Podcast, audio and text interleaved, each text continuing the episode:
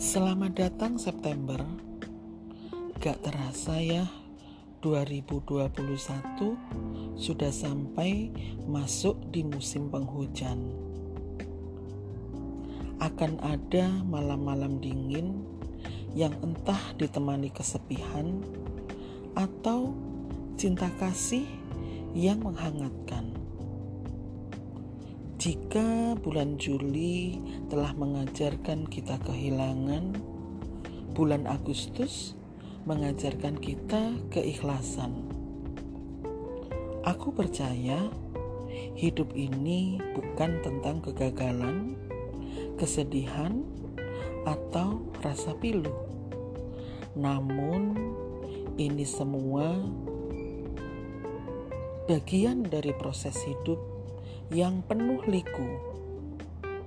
Terimalah setiap proses yang ada.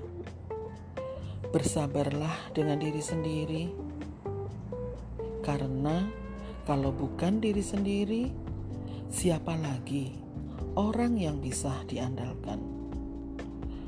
Dan berbaik hatilah kepada diri sendiri. Semoga setiap tetes hujan yang turun menjadi berkah untuk semua. Semoga semua menjadi baik dari sebelumnya.